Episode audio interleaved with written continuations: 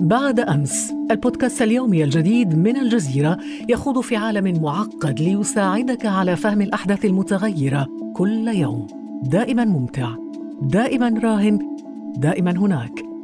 لا تنتظر حتى الغد واستمع اليوم إلى بودكاست بعد أمس. معي أنا خديجة بن جنة.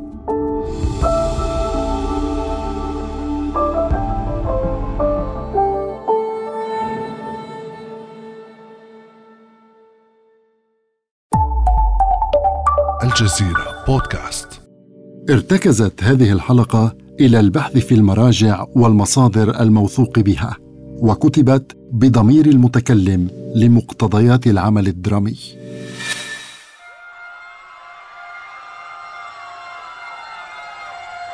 يا إلهي جثة رجل. آه، آه، أعرف جيدا إنه جارنا المصري في الطابق الخامس أشرف مروان. قبل قليل لمحته على الشرفة لكن الضباب يحجب اليوم كل شيء في لندن. نعم. إنه إنه يومي المشؤوم. السابع والعشرون من يونيو حزيران عام 2007 منذ سنوات وأنا أتوقع اغتيالي. وقبل تسعة أيام أبلغت عائلتي بأن الأمر دخل حيز التنفيذ. هل هي صدفة أنني كنت اليوم وحدي في المنزل؟ زوجتي في لبنان وأولادي في القاهرة؟ وهل هي صدفة أنني كنت اليوم على موعد مع أهارون بريغمان المؤرخ الإسرائيلي الذي أورد الروايات عن عمالتي للموساد في كتابه عام 2002 آه ستكشف الأيام خلفيات ما جرى لي هذا اليوم انتحارا كان أم اغتيالا ولكن أنا أشرف مروان صهر الرئيس عبد الناصر والرجل الثقة لدى الرئيس السادات هل يمكن أن أكون عميلا للموساد؟ سأروي لكم قصة حياتي وعبر بودكاست رموز من الجزيرة سأحكي لكم ما عندي. وأنا سيلينا سأطرح عليك أسئلة محرجة تدور في أذهان كثيرين. ولضرورات تقنية سنستعير صوت محمد ليروي وقائع جرت بعد وفاتك. فهيا دافع عن نفسك.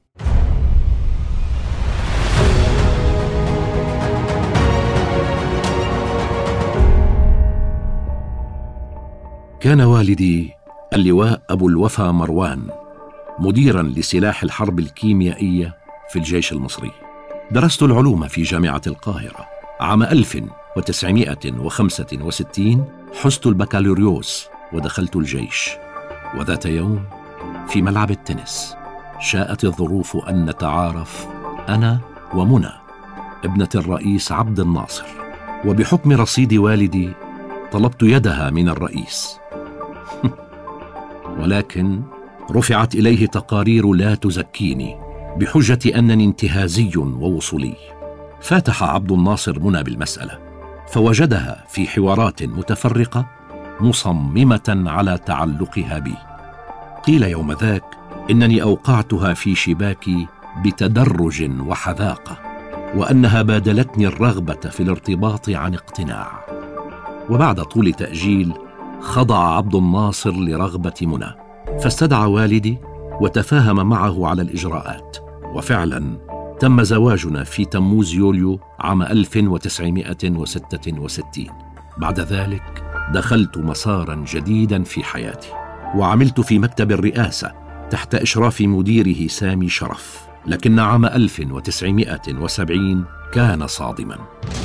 فقدت الجمهورية العربية المتحدة وفقدت الأمة العربية وفقدت الإنسانية كلها رجلا من أغنى الرجال رجلا من أغلى الرجال وأشجع الرجال وأخلص الرجال.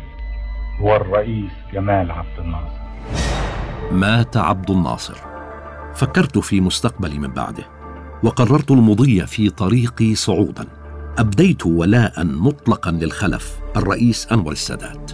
فجعلني سكرتيرا له عام 1971 ثم عينني في لجنة الإشراف على تطوير صناعة الأسلحة وعاونته على عزل خصومه بالاشتراك مع قائد الحرس الجمهوري الليثي ناصف. وقد تحدث كثيرون عن فارق شاسع في طبيعة العلاقة بيني وبين كل من الرئيسين عبد الناصر وأنور السادات. للصراحه أفسح لي السادات مجالا للانطلاق أكثر بكثير من عمي. كان طموحي أن نتمتع ببعض الرفاهية والحياة الرغيدة ماديا لكن عبد الناصر كان يعيش حياة متواضعة ويفضل أن تكون عائلته كذلك. وكان طموحي الصعود أكثر في مراتب السلطة لكنه كلفني بالعمل في مكتب سكرتيره. لا أكثر. وقد أتاح لي السادات من خلال التصاقي به وموقعي في اللجنة أن أنشئ علاقات مهمة مع جهات عربية وعالمية. خصوصا في مجال التسلح بالتنسيق معه طبعا. ولكن يا أشرف كثيرون لا يقتنعون بسلوكك في ملف تجارة الأسلحة. فالشائعات كثيرة حول ذمتك المالية وحول الأموال الطائلة التي جنيتها خصوصا لجهة ارتباطك تجاريا بالمليونير السعودي كمال أدهم. وكذلك لعلاقتك المثيرة للجدل مع المليونير البريطاني المقرب من إسرائيل تايني رولاند الذي شاركته بأربعين في المئة من شركة تريد وينجز. وكان معكما أحمد قذاف الدم ابن عم الرئيس معمر القذافي. وقد دخلت فيما بعد إلى جانب رولاند في معركة طاحنة في لندن لمواجهة محمد الفايد. نعم تعاطيت مع كمال أدهم. إنه مليونير وتاجر. لكنه صهر الملك فيصل ورئيس المخابرات في السعودية في عهده وعملت معه بالتنسيق مع الرئيس السادات. لقد كان الرجل صلة الوصل بين مصر والسعودية في تلك الفترة. بدأت القصة عام 1974 كنت في صدد زيارة ليبيا بهدف إقناع القذافي بالتبرع للسادات بطائرة رئاسية. كان ذلك بناء على رغبة من السادات نفسه وكان اعتمادي لإنجاح المهمة على رئيس الوزراء عبد السلام جلود. ولكن فجأة تدهورت علاقة السادات بالقذافي الذي عدل عن الفكرة. علم كمال أدهم بالقصة فقرر أن تكون الطائرة الرئاسية هدية من السعودية وهكذا كان. وبدأت علاقاتي به آنذاك. وفي العام التالي حين صار حسني مبارك نائبا للرئيس كانت أولى مهماته زيارة باريس. للاتفاق على شراء وتصنيع صواريخ فرنسية في مصر. وأنا كنت في الوفد المفاوض. وهكذا بدأت مسيرتي في عالم تجارة الأسلحة. فأين المشكلة إذا كنت ناجحا وحققت ثروة طائلة في أعمالي؟ هل من الحتمي أن أكون موضع شبهة لهذا السبب؟ نعم في السبعينيات والثمانينيات توسعت أعمالي في لندن. وخلال سبع سنوات من إقامتي هناك بنيت إمبراطورية اقتصادية كبيرة. ففي أغسطس آب عام 1979 ترأست مجلس الإدارة في شركة الاتحاد العربي للاستثمارات وهي شركة مصرية بدأت برأس مال أربعة ملايين دولار وساهم فيها سبعة وعشرون من رجال الأعمال من مصر والعالم. وأنشأت شركة للاستثمار في لندن برأس مال عشرة ملايين دولار وساهمت في أخرى وكنت مساهما في ثالثة. واشتريت أسهما في الشركة التي تصدر صحف ديلي إكسبريس وصاندي إكسبريس وديلي ستار ثم بعتها محققا الأرباح. أكثر من ذلك تردد أنك عرضت شراء مجموعة شركات كبرى بأكثر من ملياري جنيه ما أثار ضجة رجال المال هناك. وأنك اشتريت نادي القمار الشهير بلاي بوي وبعته محققا الأرباح وأن لديك طائرة خاصة لتنقلاتك. وكنت تعيش في قصر فخم في لندن عدا عن أملاكك في الولايات المتحدة وفرنسا وفندق في جزيرة بالما دي مايوركا في إسبانيا اشتريته عام 1980 وأقمت فيه عيد ميلادك الذي أحياه عمرو دياب بحضور نجوم البزنس والسياسة والإعلام في العالم هل طبيعي أن تحصل على هذا المال كله من دون الدخول في صفقات أو أعمال مشبوهة؟ لقد شاع الكثير من الأقاويل في هذا الشأن. أنا جنيت المال من ارباحي الطبيعية في التجارة. هل قرأت ما رواه الصحفي المقرب من الرئيس السادات موسى صبري؟ هو سأل الرئيس عن سر استمرار تمسكه بي بالرغم من الشائعات فأجاب أنا أرفض مد اليد إلى أي حاكم عربي لكننا نتعرض لمآزق مالية خطيرة. ويعترف الرئيس بأنني أنا الذي كنت أقوم بالمهمة المطلوبة في هذه الحال وأتولى المعالجة وبأنني قدمت لمصر خدمات ممتازة في موضوع الأسلحة وأنني بجهدي الشخصي ذللت الكثير من العقبات مع المصانع الفرنسية في الأوقات الحرجة قبل حرب أكتوبر تشرين الأول.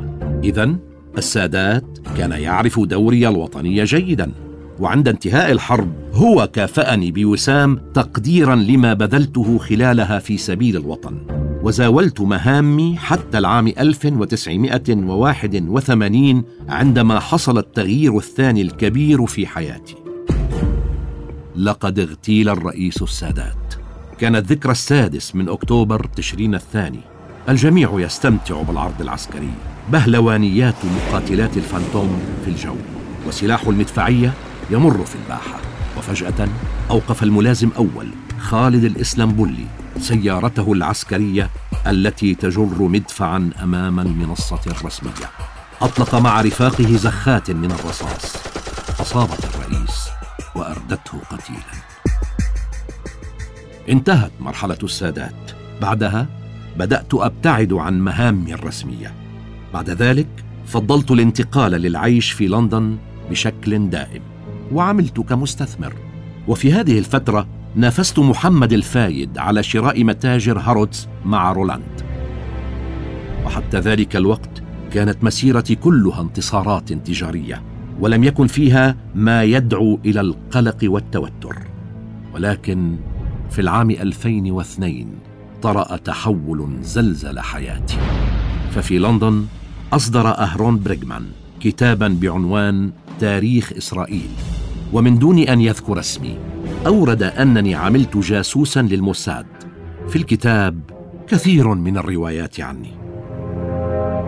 قال إنني عام 1968 ذهبت بنفسي إلى السفارة الإسرائيلية في لندن وعرضت خدماتي على الإسرائيليين من داخل بيت عبد الناصر. ادعى بريغمان أن الموساد كان يدفع لي مئة ألف جنيه استرليني عن كل مقابلة. وذكر بأسماء الحركية في سجلاته مثل الصهر أو العريس أو رسول بابل وقال إن تقاريري كان يقرأها كبار المسؤولين كجولدا مائير رئيسة الوزراء وموشي ديان وزير الدفاع. ومن هذه التقارير نسخة من حوار ناصر مع السوفييت عام 1970 ورسالة سرية من السادات إلى الرئيس السوفيتي بريجنيف عام 1972 تطالبه بتزويد مصر. صواريخ سكود تسمح له بشن حرب لتحرير سيناء. ومن التقارير أيضا أنني أبلغت الموساد بمعلومات عن العملية الفلسطينية لتفجير طائرة العال المدنية في روما ردا على إسقاط إسرائيل للطائرة المدنية الليبية. ويقول بريغمان بفضلي نجح الإسرائيليون في إحباط العملية. لكن الرواية الأهم في الكتاب هي أنني في الرابع من تشرين الأول أكتوبر عام 1973 طلبت مقابلة رئيس الموساد زفي زمير في دولة أوروبية فطار إلي خصيصا في اليوم التالي. وهناك أبلغته بأن موعد الهجوم المصري السوري وانطلاق الحرب سيكون في السادسة قبل مساء السادس من أكتوبر تشرين الأول. أوف أوف أوف أوف. مع هذه المعلومات الشديدة الخطورة كيف تريد أن تقنع الناس ببراءتك يا أشرف؟ الصحفي محمد حسنين هيكل يقول إن الأمر وصل بك إلى حد تسليم الموساد نسخا من أصل الوثائق لا مجرد معلومات. ألم تكن قلقا من احتمال أن تقبض عليك المخابرات المصرية بالجرم المشهود؟ البعض لا يفهم بأصول عمل الاستخبارات. كيف تفتشني المخابرات المصرية وهي التي سلمتني الوثائق باليد كي أزود المساد بها فينخدع؟ اسمعي شهادة أحمد أبو الغيط الأمين العام للجامعة العربية وزير خارجيتنا السابق في يناير كانون الثاني عام 2019 قال إنه تلقى مكالمة من عبد السلام محجوب نائب رئيس المخابرات السابق وأبلغه بأنني كنت أخدم مصر وأن المخابرات المصرية كانت تمدني بالمعلومات التي أبلغها إلى إسرائيل كي تقع في خطأ التقدير وأن مصر كانت أقرت خطة خداع كبرى قبل الحرب. ووعد بنشر ملفات تكشف الحقيقة كاملة. وطرح سؤالا وجيها. لماذا هزم الإسرائيليون في الحرب إذا كانوا يحصلون على معلومات حقيقية؟ وفي أي حال فتحت إسرائيل تحقيقا شمل القادة حول أسباب هزيمتها ونشرت تقريرا حول النتائج.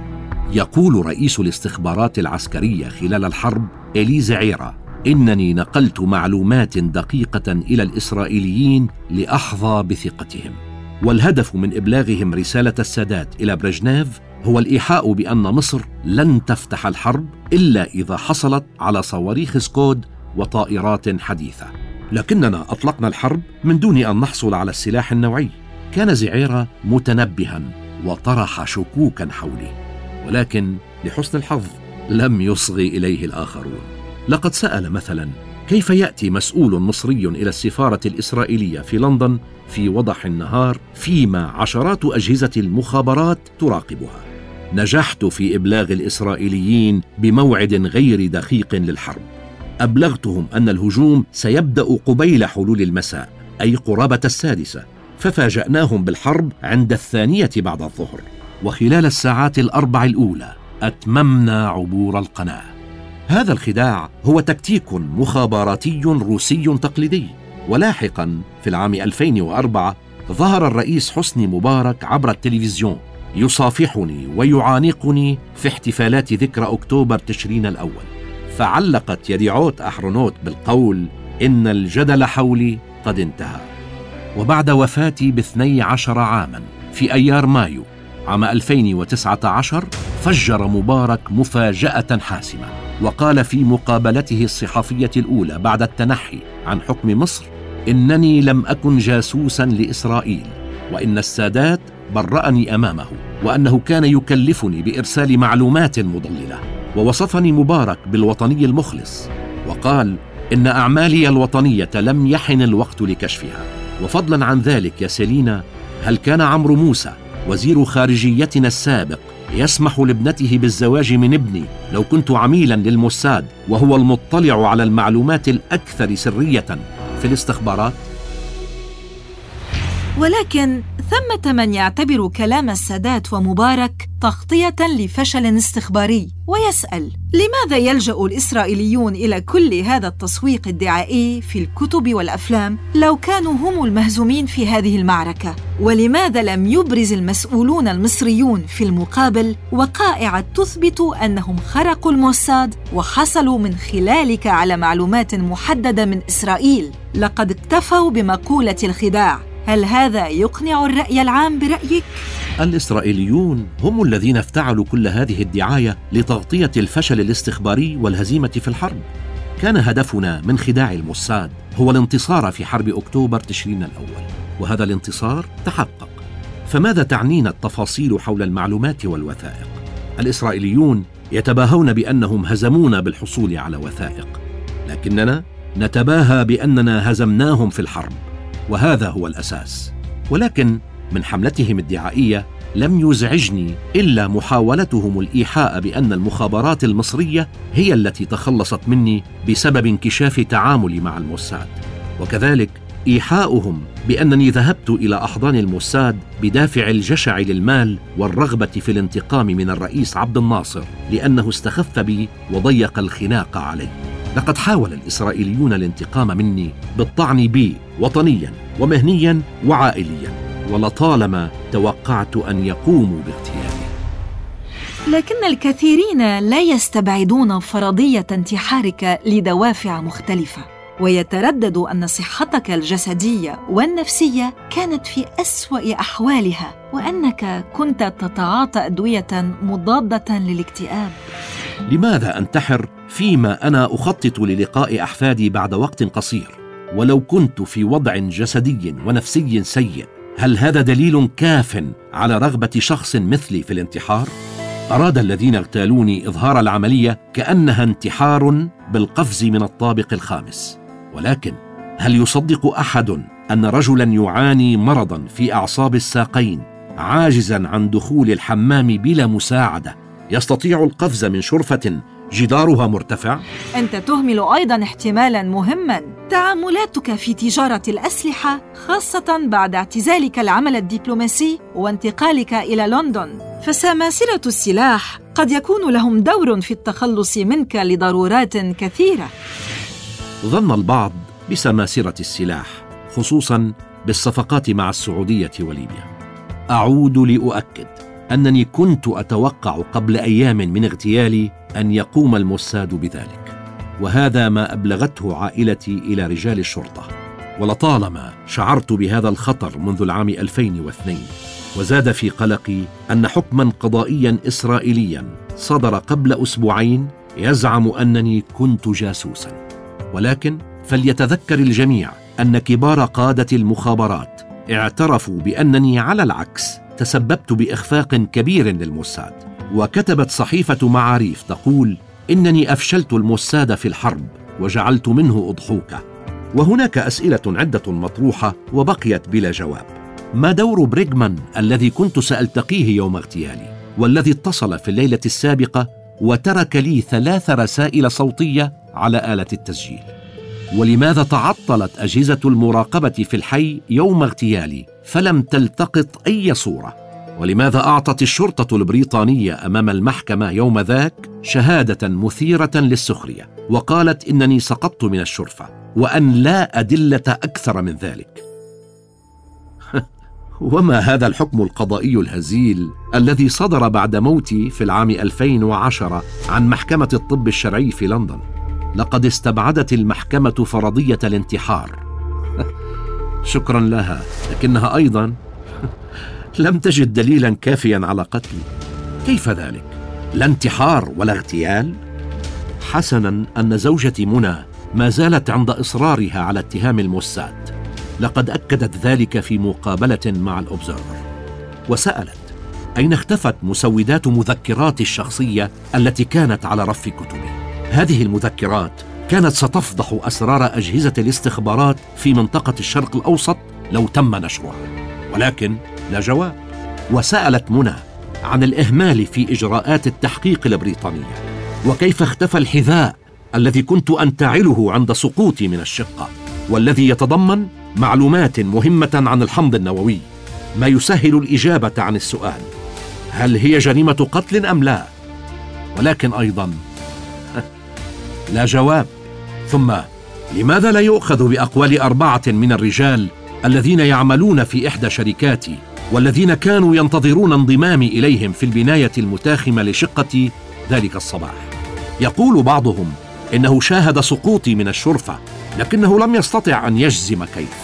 ويقول آخر إنه شاهد شخصين بملامح عربية ينظران من شرفة إحدى الشقق لكنه لم يعرف هو أو زملاؤه ما إذا كان الرجلان يقفان في شرفة شقتي الرقم عشرة أم لا؟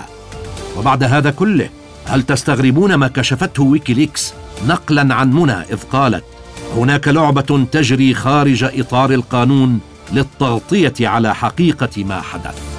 هذه هي حكايتي. أنا أشرف مروان. لكم أن تصدقوني أو تدينوني.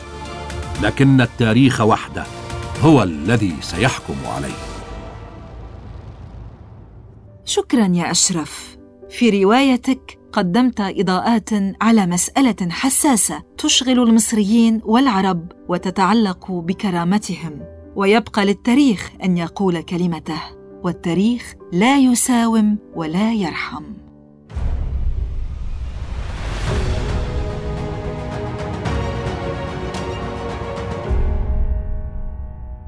شكرا لكم متابعينا في بودكاست رموز. وإلى اللقاء في سيرة رمز آخر رحل وترك اثرا في حياتنا.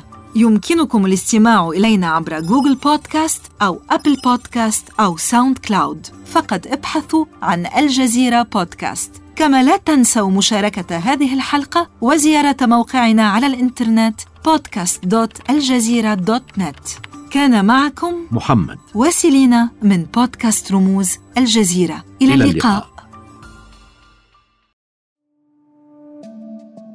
بعد أمس البودكاست اليومي الجديد من الجزيرة يخوض في عالم معقد ليساعدك على فهم الأحداث المتغيرة كل يوم. دائما ممتع دائما راهن دائما هناك. لا تنتظر حتى الغد واستمع اليوم إلى بودكاست بعد أمس. معي أنا خديجه بن جنه